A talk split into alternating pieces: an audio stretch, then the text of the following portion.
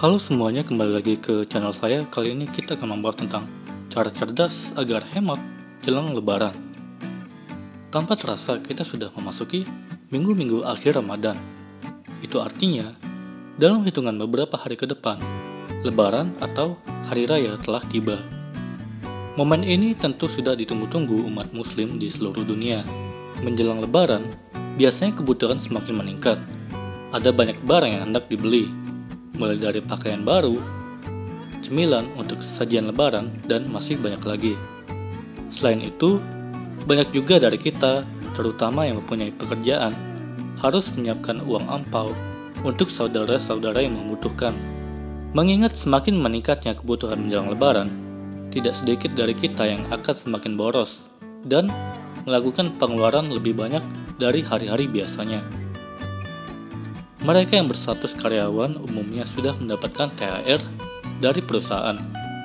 Tapi bukan berarti kita harus mengamurkan banyak uang. Dilansir dari Vimela, ada empat tips cerdas agar kita bisa lebih hemat menjelang lebaran. 1. Catat kebutuhan Anda. Tips pertama adalah catat segala kebutuhan Anda, bukan keinginan Anda. Catat segala kebutuhan dari yang bernilai paling tinggi sampai yang bernilai paling rendah. Dengan melakukan pencatatan, setidaknya bisa meminimalisir kemungkinan belanja barang yang sebenarnya tak dibutuhkan atau diperlukan. Pastikan untuk membeli kebutuhan yang menjadi prioritas utama. Kedua, tabung sebagian pendapatan. Saat mendapat penghasilan baik dari gaji atau THR, pastikan untuk segera menyisihkan sebagian untuk tabungan Sebaiknya Anda memiliki dua rekening yang berbeda, satu untuk menabung dan satu untuk mencukupi kebutuhan sehari-hari.